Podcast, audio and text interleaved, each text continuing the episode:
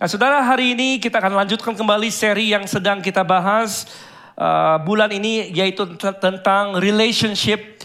Uh, uh, judulnya serinya adalah Relationship Matters. Katakan saya relationship matters atau hubungan itu penting dan kemarin minggu lalu kita sudah bahas judulnya adalah A Better You dan kali ini judulnya adalah A Happier You. Yuk katakan sebelahnya, a happier you. Sambil kasih senyum dong, sampai giginya kelihatan. Ah, apakah itu orang happy nggak kelihatannya? Haleluya. Nah saudara, kemarin saya membaca sebuah indeks uh, survei di dunia namanya World's Happiest Happiness Report. Ya, tahun 2018. Dan ini menarik sekali, ada 156 negara di seluruh dunia tahun 2018 ini disurvei indeks uh, kebahagiaannya. Ya, gimana sih penduduk mereka seneng nggak ya, bahagia nggak hidupnya? Dan hasilnya adalah 156 negara. Uh, ini hasilnya, ya, lima uh, world's happiest nations.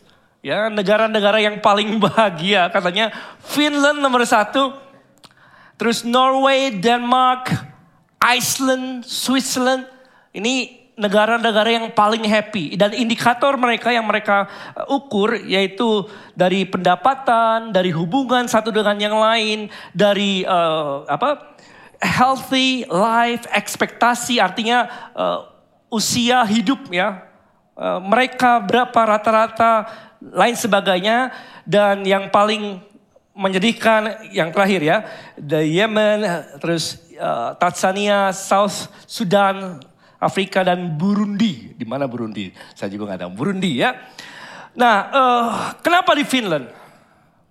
Ya, kenapa Finland beberapa tahun ini menjadi top number one? Karena uh, di antaranya pendidikan mereka di sana gratis atau sangat murah dan pemerintahnya sangat suportif sehingga uh, punya apa bangsanya ini punya balance ya kehidupan yang seimbang antara kerja dan keluarga. Dan orang tua di sana dikasih cuti yang cukup luar biasa panjang untuk bisa berkumpul dengan keluarganya. Ya di sana orang-orang tidak ber, banyak berkompetisi sehingga hidupnya lebih damai kira-kira gitu ya. Jadi Finland nomor satu. Nah kemarin saya cari Indonesia berapa? Indonesia di uh, 96 ya 96 puji Tuhan. Haleluya. Indonesia, kalau saudara buka nanti di Google aja sendiri World Happiness uh, Report. Jadi saudara bisa baca Indonesia di mana 96, 96. Puji Tuhan. Ya, harusnya lebih baik. Yes. Setelah kalau saya percaya khotbah ini kalau dilakukan Indonesia minimal ranking 5 lah ya. Haleluya. Oke. Okay. Nah saudara, are you happy? Coba lihat orang wajah-wajah yang happy. mau nggak hidup bahagia? Yang mau lambaikan tangannya. Bahagia itu apa sih? Orang bahagia itu tanda-tandanya ke mana-mana tersenyum. Ya enggak? Ya, bisa tertawa, bisa bisa easy going gitu ya. Orang yang bahagia nggak pernah mengeluh, ya jarang marah, tanda-tandanya gak pernah menyalah apa nggak nggak menyalahkan orang lain, bisa menyemangati orang lain, gak mudah iritasi ya karena hal-hal kecil. Itu orang yang bahagia. Apakah saudara dan saya termasuk orang-orang yang happy? Katakan sebelahnya, are you a happy person? Are you happy? Ya, setiap kita mau menjadi orang-orang yang bahagia. Ya. Tuhan juga demikian. Pemasmur katakan, Mazmur 31 ayat ke-7. Aku akan apa? Bersorak-sorak. Wah. Dan bersukaria karena kasih setiamu. Sebab engkau telah menilik sengsaraku dan telah telah memperhatikan kesesakan jiwaku. Dalam bahasa Inggrisnya, versi net dikatakan, I will be happy I will be happy and rejoice in your faithfulness. Tuhan inginkan saudara dan saya hidup senang, hidup bahagia. Ya, enggak hidup tanpa sungut-sungut, hidup, hidup tanpa keluhan, tanpa marah-marah dan lain sebagainya. Ya. Dan di dalam Alkitab kata sukacita, ada kata bahagia, ada kata senang, ya, gladness, bergembira. Itu masing-masing punya kata yang tersendiri, tetapi kalau kita bicara tentang sukacita, biasanya orang Kristen nangkapnya kita harus bersukacita. Nah, sukacita artinya sesuatu yang di dalam hati saudara, ya, yang keluar. Meskipun keadaan sekeliling kita mungkin nggak mendukung kita senang, tetapi saudara tetap bersuka cita. Tetap bisa berharap sama Tuhan, tetap bisa bersyukur. Itu orang yang bersuka cita. Tetapi orang yang bahagia seperti apa? Nah orang yang senang, orang yang hidupnya bahagia, di dalam Alkitab ya namanya Makarios. Makarios artinya Orang yang bukan bahagia, senang karena punya sesuatu, atau bisa mencapai sesuatu, tetapi orang yang bahagia adalah orang yang hidupnya dalam rencana Tuhan. Orang yang hidupnya adalah orang yang hidupnya taat kepada apa yang menjadi kehendak Tuhan. Itulah orang-orang yang disebut berbahagia. Ya Makarios, ya katakan dengan saya Makarios. Ya kayak churros ya. Makarios. Dia kok kepikir churros ya? Tadi pagi enggak tuh? Kayaknya udah lapar apa? Oke. Okay. Nah kenapa Tuhan inginkan kita bahagia? Tahukah saudara kebahagiaan saudara? Dengan saudara hidup bahagia, saudara mempresentasikan Tuhan dengan cara yang benar. Sama orang-orang yang di sekeliling saudara. Ya, Orang di sekeliling kita pada waktu kita hidupnya tanpa keluhan, tanpa marah-marah, mereka lihat kita, mereka tertarik untuk belajar dari saudara. Saudara akan mempresentasikan Tuhan Yesus dengan cara yang benar pada waktu kita berbahagia. Bayangkan kalau kita seorang Kristen, apalagi pelayan Tuhan, kita hidup marah-marah, kita hidup bersungut-sungut, kita hidup sedikit lumpia nggak datang-datang marah-marah. ya bayangkan itu. Siapa yang mau menjadi orang Kristen, saudara? Tapi pada waktu kita hidupnya senang, bahagia, ya orang lihat kita, wow, dan mereka tertarik. Ya, saya tulis ini, ya, your happiness will attract others to Christ. Kebahagiaanmu bisa menarik orang-orang datang kepada Kristus. Saya suka satu quote dari Mother Teresa dikatakan begini. Joy is prayer. Joy is strength. Joy is love. Joy is a net of love by which you can catch soul. Ya. Sukacita itu seperti jaring ya yang bisa menangkap jiwa-jiwa datang kepada Kristus. See? Tuhan mau kita hidupnya bahagia. Tuhan mau kita hidupnya senang dalam rancangan Tuhan. Nah, apa kunci kebahagiaan? Kalau saudara dan saya merindukan yang namanya bahagia, hidup senang dalam rencana Tuhan. Ya. Apa kuncinya saudara? Ayo ready? Saya akan kasih formula sama saudara yang ada dalam firman Tuhan. Dan kalau kita hidupi ini, saya percaya kita menjadi orang yang paling bahagia. Ayo ready? Ini formulanya. Kalau yang lain lupa, yang ini jangan lupa. Very simple. Bahagia. Formulanya ya. B lebih besar dari T. Ini formula bahagia. Bahagia adalah pada waktu B, B lebih besar daripada T. Coba lihat, kisah Rasul 20 apa yang saya maksudkan.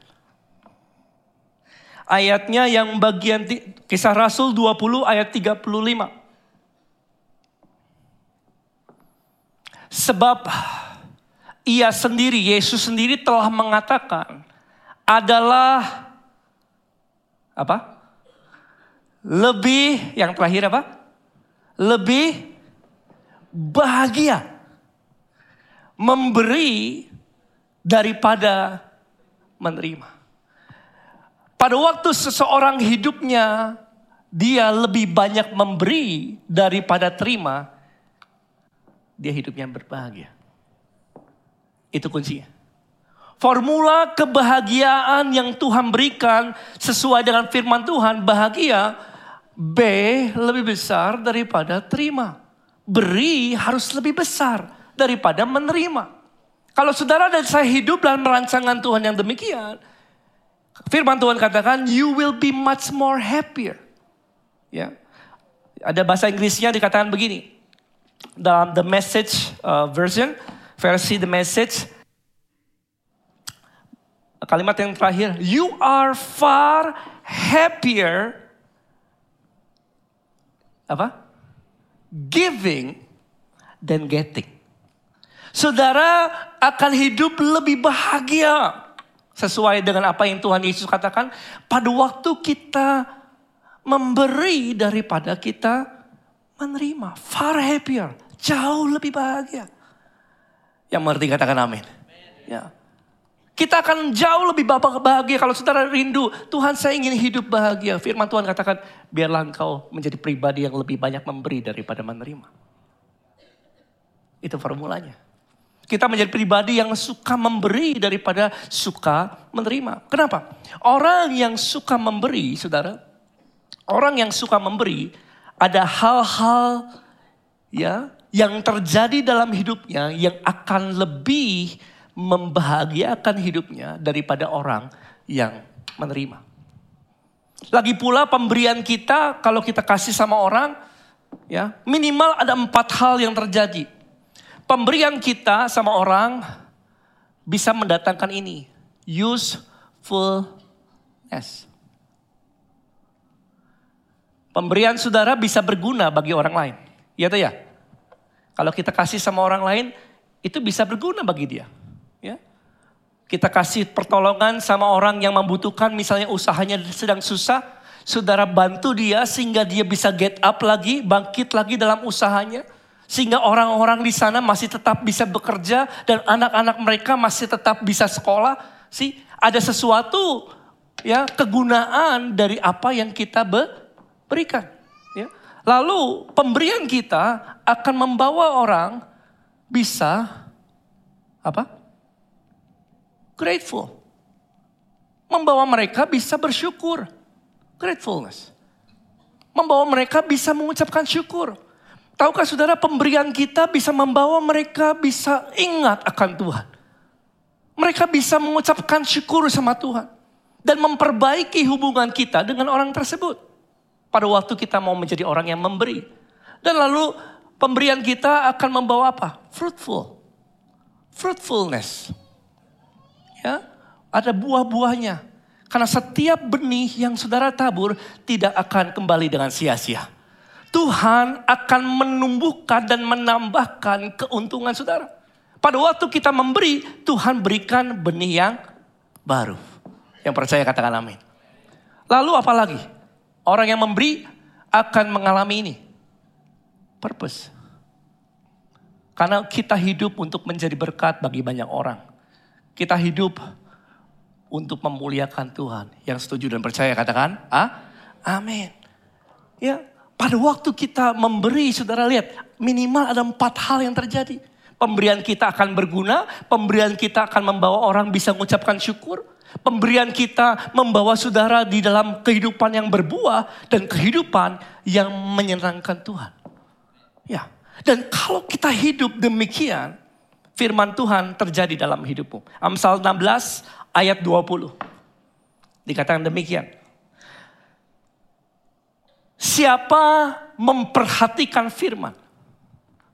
Apa? Mendapat kebaikan. Berbahagialah orang yang percaya kepada Tuhan. Dalam bahasa Inggrisnya, New King James dikatakan demikian.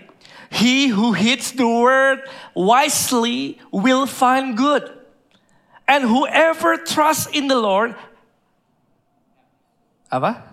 happy. Katakan saya happy is he. Ya, pada waktu kita hidup dalam rancangan Tuhan, kenapa Tuhan ingin kita bahagia, Saudara? Kita tahu tadi maksudnya apa. Supaya kita bisa menjadi berkat bagi banyak orang, membawa kemuliaan bagi nama Tuhan. Gimana caranya? Kehidupan kita harus lebih banyak memberinya daripada menerimanya. Dan ini adalah rancangan Tuhan. Pada waktu kita hidup dalam rancangan Tuhan yang demikian, happy is he. Kita menjadi orang yang bahagia. Yang mau percaya, katakan amin. Katakan sebelahnya, are you happy? Oke. Okay? Nah, apa yang kita bisa berikan dalam kehidupan kita sehingga membuat hidup saudara benar-benar bahagia. Apa yang saudara langsung pulang dari sini, saudara praktekkan, hidupmu akan penuh dengan kebahagiaan. Simple. Formulanya adalah beri lebih besar daripada menerima. Ya. Ada empat W atau empat ways ya yang bisa membawa saudara dan saya ke dalam kebahagiaan. Yang pertama adalah sebelum kita beri sama orang lain, saudara harus beri worth dulu. Atau nilai, katakan saya nilai. Sebelum kita menjadi orang yang memberi sama orang lain, saudara harus memberi nilai yang tepat kepada hidupmu sendiri. Ya, berapa nilai kita? Ya, uh, menarik saudara nilai itu bisa berubah-ubah ya. Kalau saudara lihat mungkin di luar pergi ke warung terus beli minuman soda, maybe mungkin harganya 3000 perak. Ya, 3000 perak. Tetapi kalau minuman yang sama kita belinya di hotel bintang 5. saudara lihat di menunya, uh, harganya 30 ribu. 30 ribu. Barangnya beda nggak? Sama. Barangnya sama kok nilainya beda. Nilainya empat kali atau sepuluh kali bisa lebih mahal daripada nilai kalau saudara beli di warung. Kenapa saudara? Karena kalau di hotel, saudara pesan minuman itu ya yang antarnya kan pelayan ya. Pelayan yang bawa pakai baki, waduh dia pakai dasi ya. Terus ada alunan pakai apa? Pakai piano dengan ruangan ber AC, ya, meja yang dikasih di, di apa dikasih taplak yang indah dengan bunga-bunga. Sih jadi mahal. Jadi mahal. Tapi orang kalau beli itu nggak komplain iya nggak?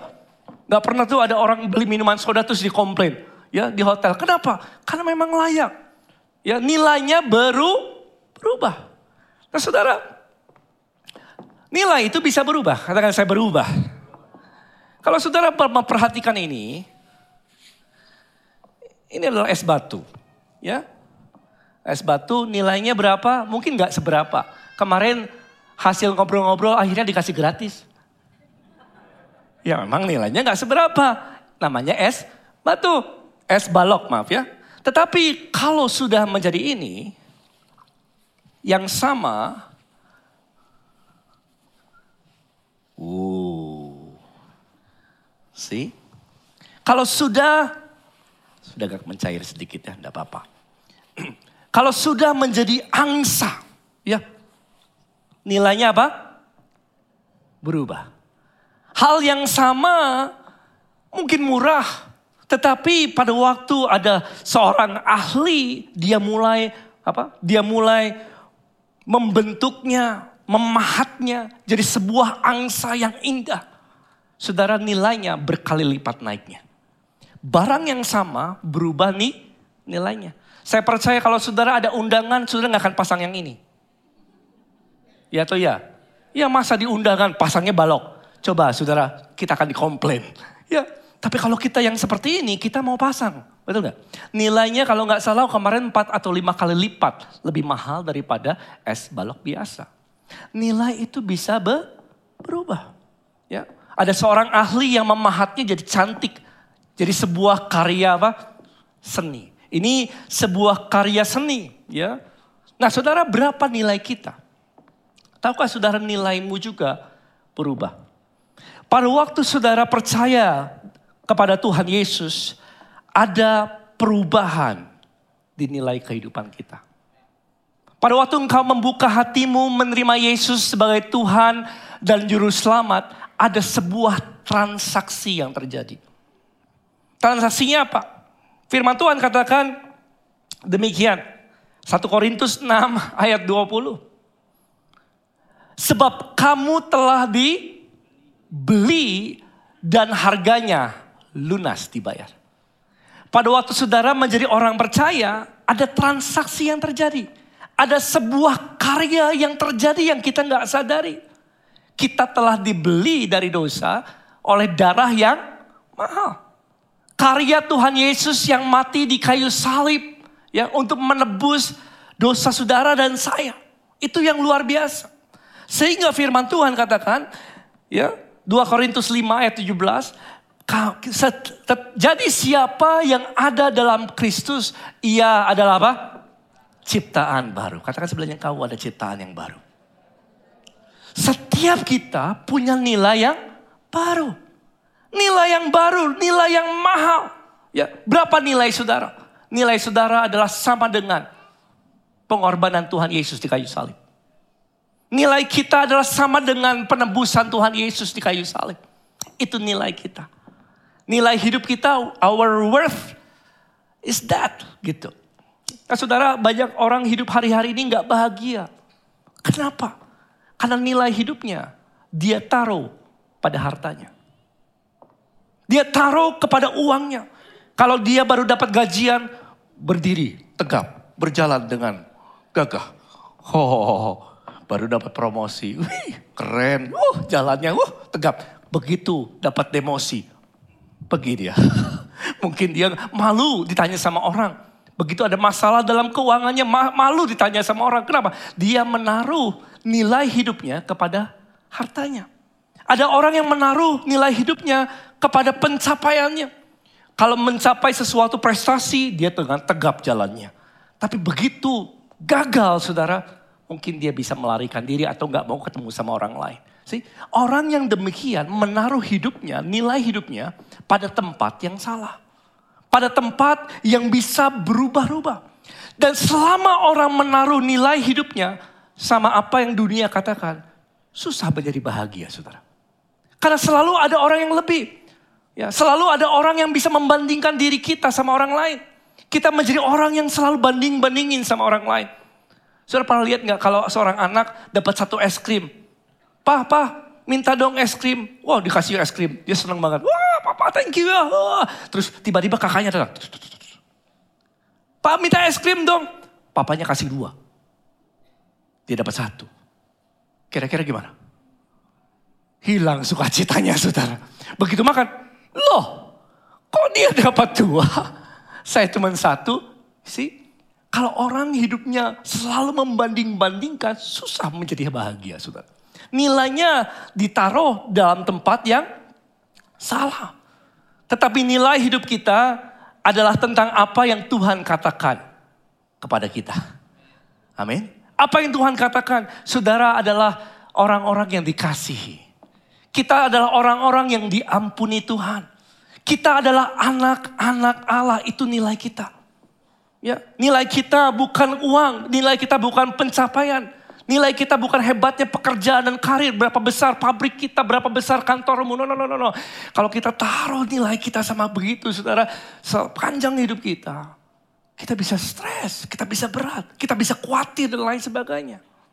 Si nilai hidup kita tentang apa yang Tuhan katakan kepada kita. Yang percaya katakan amin. Ya. Yohanes 1 ayat 12 dikatakan demikian. Tetapi semua orang yang menerimanya diberinya apa?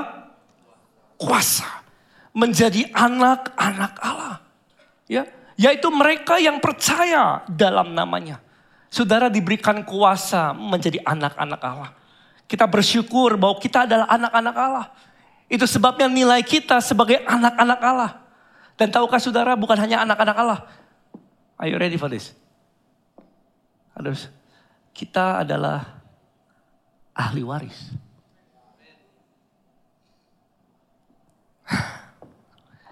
Saudara dan saya adalah ahli waris. Katakan saya ahli waris. Keren gak sih? Keren gak nilai kita? Wow, Puji Tuhan. Ya, kita jika kita adalah anak, maka kita juga adalah apa? Ahli warisnya Tuhan. Artinya orang yang berhak menerima janji-janji Allah. Yang percaya katakan amin. Saudara adalah anak dan saudara adalah ahli waris. Berarti orang yang berhak menerima janji-janji Allah. Itu sebabnya saudara kita nggak perlu minder. Ya, dalam kehidupan kita jangan minder sama orang-orang yang mungkin lebih dari kita.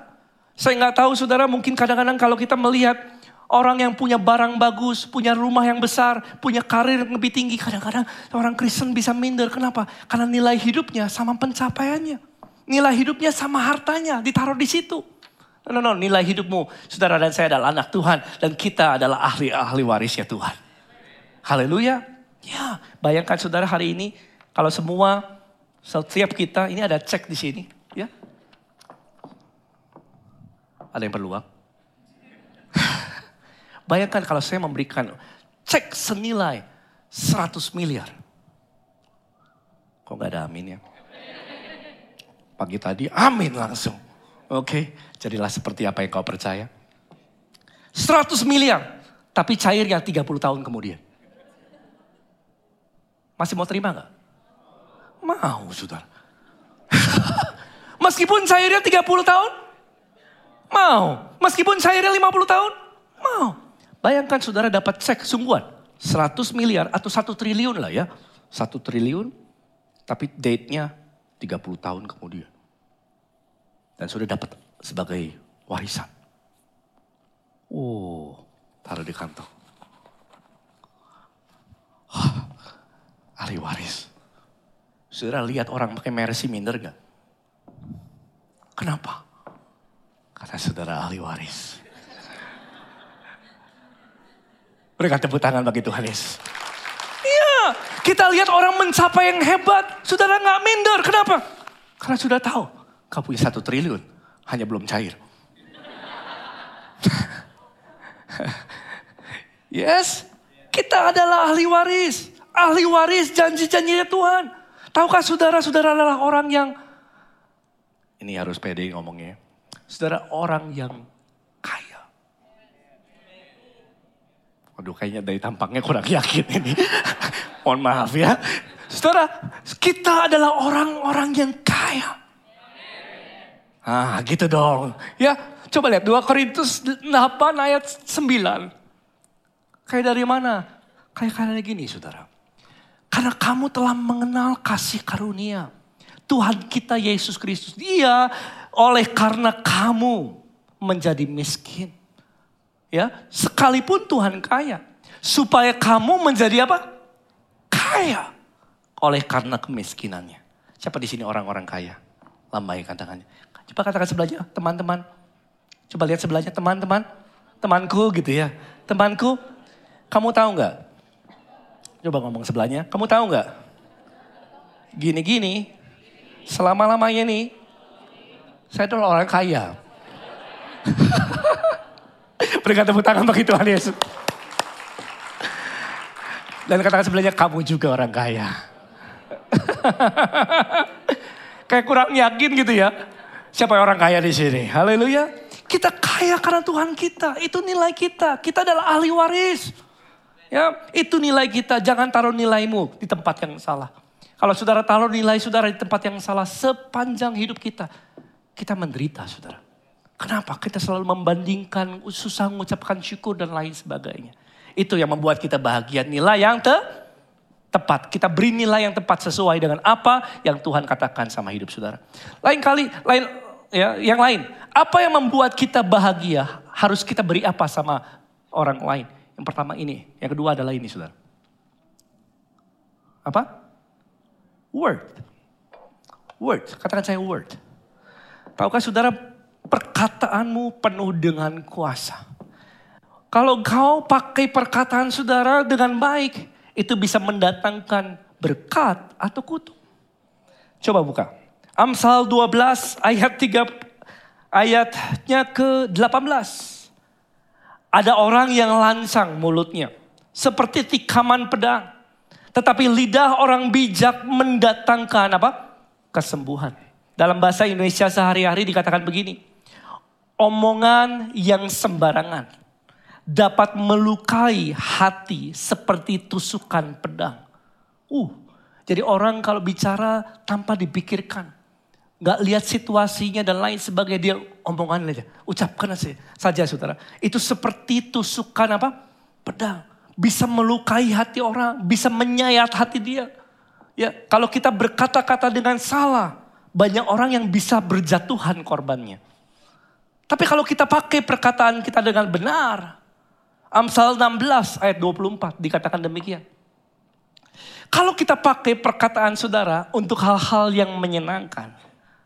Itu seperti sarang madu. Sudah punya madu di rumah? Saya suka madu, saya suka uh, apa kita punya stok madu kalau saudara mau minta aja. stok madu ya. Saya suka madu, saya suka minum madu ya. Perkataan yang menyenangkan itu seperti sarang madu. Manis bagi hati, obat bagi tulang. Saudara, dengan perkataan yang menyenangkan, hati orang lain mungkin yang pahit bisa jadi manis. Kalau saudara pakai perkataan yang menyenangkan, yang bisa membangun dia. Orang yang hatinya pahit, yang hatinya penuh dengan keluh kesah, ketemu lepas dari saudara, dia jadi semangat lagi. Amin. Ya, perkataan yang menyenangkan itu obat bagi tulang. Kalau kita kunjungin orang sakit, mungkin dokter kasih tahu sama dia sesuatu yang gak terlalu bagus reportnya, laporannya. Tapi saudara datang, sudah pulang dari gereja datang menjenguk dia. Terus saudara berikan perkataan yang membangun. Perkataan yang memberikan harapan yang baru. Tiba-tiba dia jadi semangat. Dan Tuhan bisa menyembuhkan dia oleh karena imannya. Yang percaya katakan amin. Obat bagi apa? Tulang. Ya, ada obat dalam perkataan kita.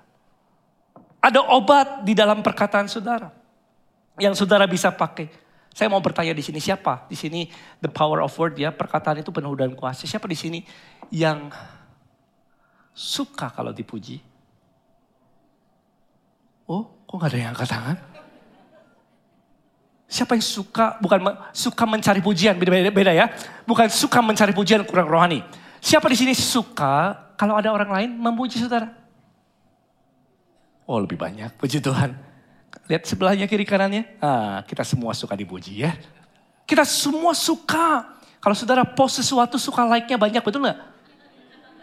Iya nggak? Setelah kita post di Instagram, post di Facebook, tungguin like-nya berapa.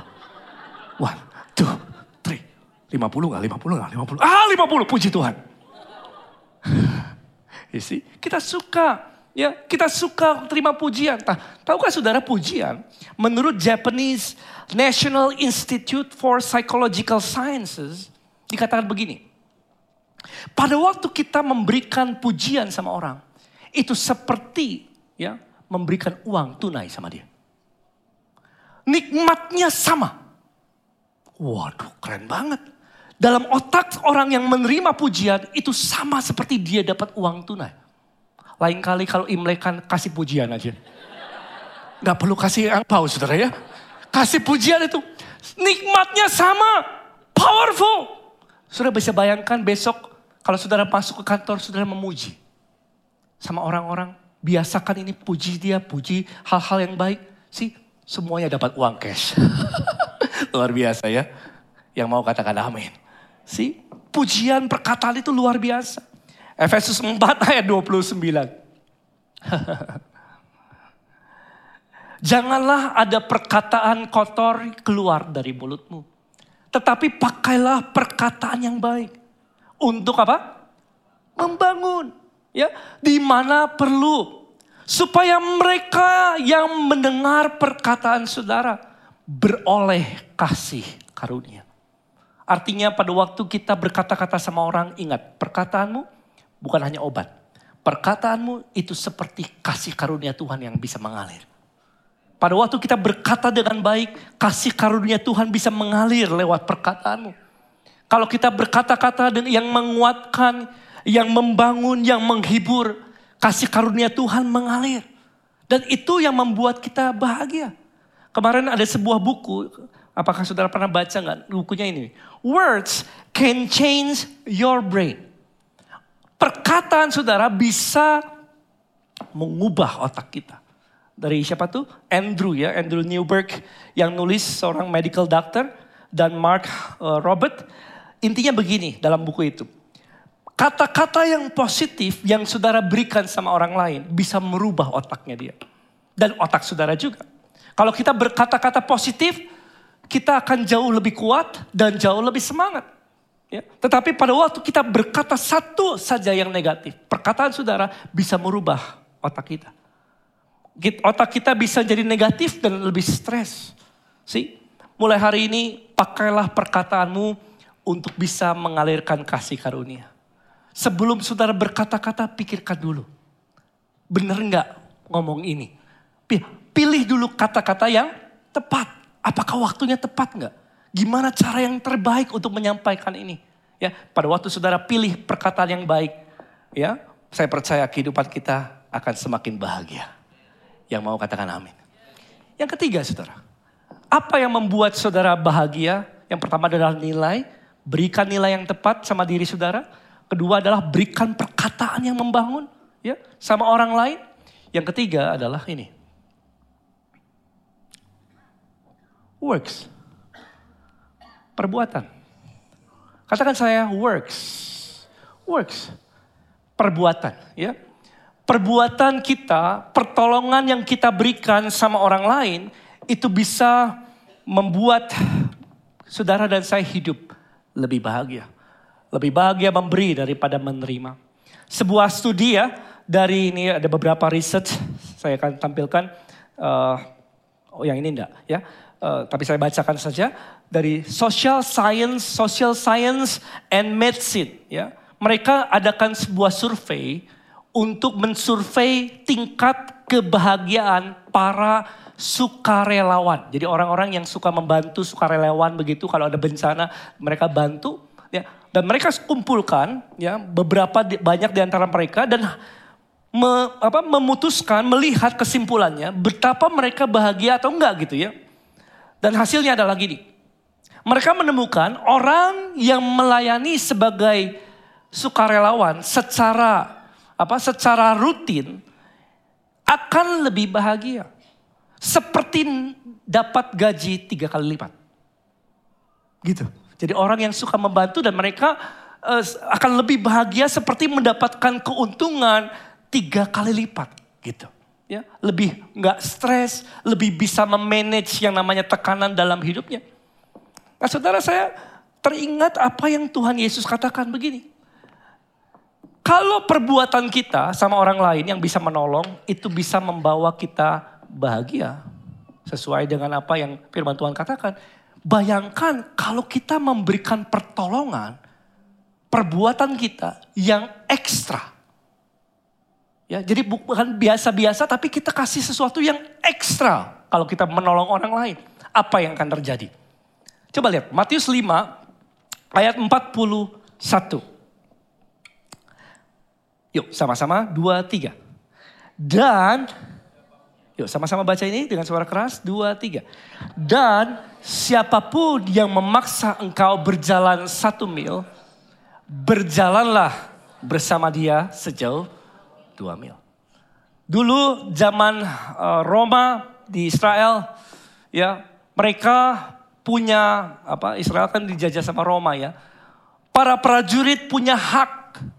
Kalau ngelihat di pasar ada orang berjalan, misalnya prajurit ini, prajurit Roma ini punya barang bawaan banyak banget gitu ya. Ada ada tombak, ada pedang dan lain sebagainya, ada barang bawaan yang bekal yang banyak. Lalu lihat saudara di pasar, dia punya hak untuk bisa menunjuk saudara, eh kamu bantu bawa ini.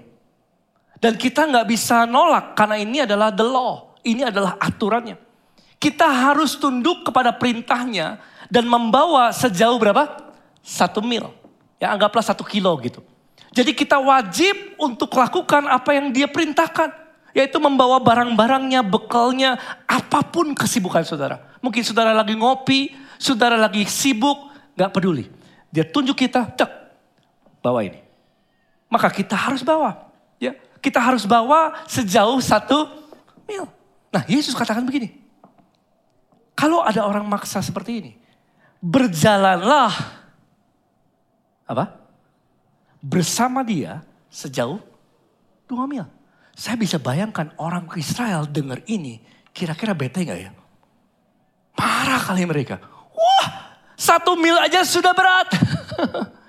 Apa masa harus berjalan dua kilometer? Nah, tahukah saudara, Tuhan sedang ajarkan satu prinsip yang luar biasa. Artinya gini, kalau kita menolong orang lain, ya Tuhan sedang memberikan satu prinsip bahwa kita harus melakukan yang lebih daripada apa yang orang lain harapkan kepada saudara. Itu yang ajarannya. Itu yang Tuhan sedang ajarkan. Bahwa kalau kita mau menolong orang lain, lakukanlah yang lebih dari apa yang diharapkan. Anggap ini satu kilometer. Ya. Dan ini adalah dua kilometer. Uh, ada orange juice lagi. Uh, haleluya. Habis ini apa? Orange juice.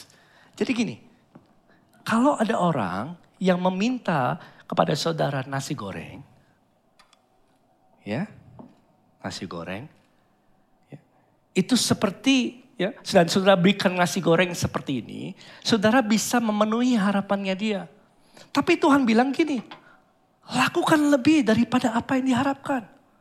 Saudara bikin nasi goreng spesial. Oh, keren ini. Siapa yang masak ya? Wow, yang ini sama ini kira-kira bagus mana? Saudara mau dapat yang mana? Yang ini kan. Begitu saudara dapat orang lain itu dapatkan yang seperti ini dia kaget gak? Kaget luar biasa. Karena dia mintanya yang mana? Nasi goreng. Nah tahukah saudara firman Tuhan katakan, apa pun juga yang kamu perbuat, perbuatlah segenap hatimu, kalau setiga ayat 23, seperti untuk Tuhan. Nah dengar baik. Dengar baik, perhatikan. Kalau kita memberikan apa yang diminta, saudara memeluk apa? Saudara memenuhi harapan orang. Atau saya tulis ini. Ya. Saya tulis ini. Coba buka. Melakukan sesuai harapan orang adalah untuk menyenangkan manusia. Kalau kita diminta nasi goreng, sudah ada kasih nasi goreng seperti ini, kita menyenangkan orang. Tetapi melakukan lebih dari harapan, ya, kita menyenangkan siapa? Menyenangkan Tuhan. Kalau kita memberikan lebih dari apa yang diharapkan, saudara sedang menyenangkan Tuhan. Ya, orang bisa diberkati oleh apa yang kau kerjakan. Firman Tuhan katakan kerjakanlah dengan segedap hatimu. Kalau saudara melakukan sesuai dengan harapan orang. Dengar, upahnya dari manusia. Kalau kita lakukan seperti untuk Tuhan dan bukan untuk manusia. Melebihi harapan mereka. Upahnya dari siapa? Siapa yang memberikan upah? Siapa yang mau diberikan upah dari Tuhan? Kalau C3 ayat 24. Dikatakan demikian. Ya.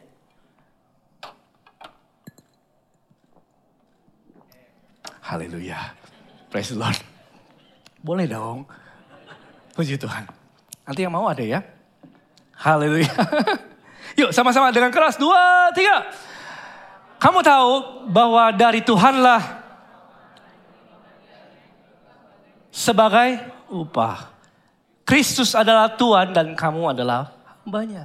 Lain kali saudara kalau kita melakukan yang lebih, kita lakukannya memang untuk Tuhan. Untuk menyenangkan Tuhan. Dan nama Tuhan akan dipermuliakan. Pekerjaan apa sih yang kita bisa lakukan sama orang yang bisa mendatangkan kebahagiaan, kita mendapatkan upah dari Tuhan, membuat kita bahagia. Yang paling saudara, kalau saudara menolong tanpa tidak diminta. Menolong orang kalau dia nggak minta, ini berkatnya luar biasa menolong orang kalau dia mungkin tidak layak menerimanya.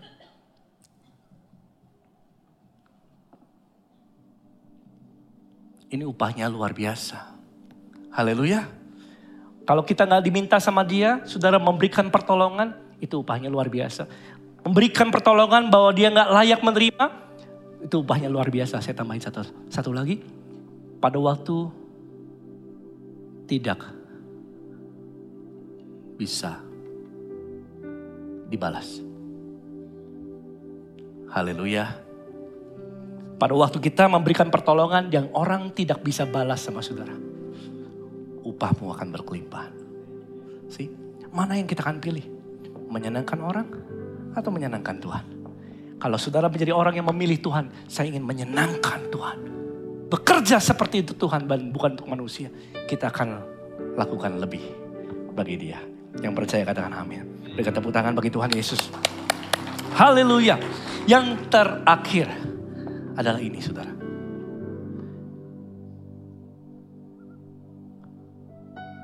Apa ini? Apa? Yuk katakan saya apa? Wealth, wealth. Wealth artinya wealth artinya kekayaan atau apa yang saudara punya. Saya tampilkan ini sebuah research ya. Tim di Harvard Business School ya. Tulis ini. Orang yang memberikan uh, eh, 5 dolar gitu ya. Dalam sehari kasih sama orang lain. Akan jauh lebih bahagia. Penelitian itu. Dan mereka menemukan bahwa semakin kita berikan kepada orang lain, semakin kita akan apa? Berbahagia. Wow, luar biasa. Apa yang saudara punya, kalau kita berikan sama orang lain, saya nggak tahu apa yang kita punya hari-hari ini. Mungkin saudara punya uang, mungkin saudara punya barang, atau mungkin saudara punya waktu. Pada waktu kita kasih ini sama orang lain, Ya, pemberianmu bisa mendatangkan berkat bagi orang lain. Nah, saudara tahu kadang-kadang kita nggak sadar ini.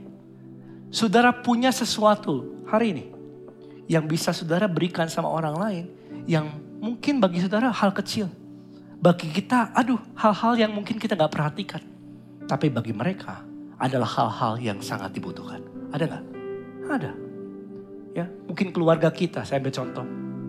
Ada orang yang bekerja untuk keluarganya. Dia pergi ya ke sana ke sini dan dia bilang saya kerja untuk keluarga saya.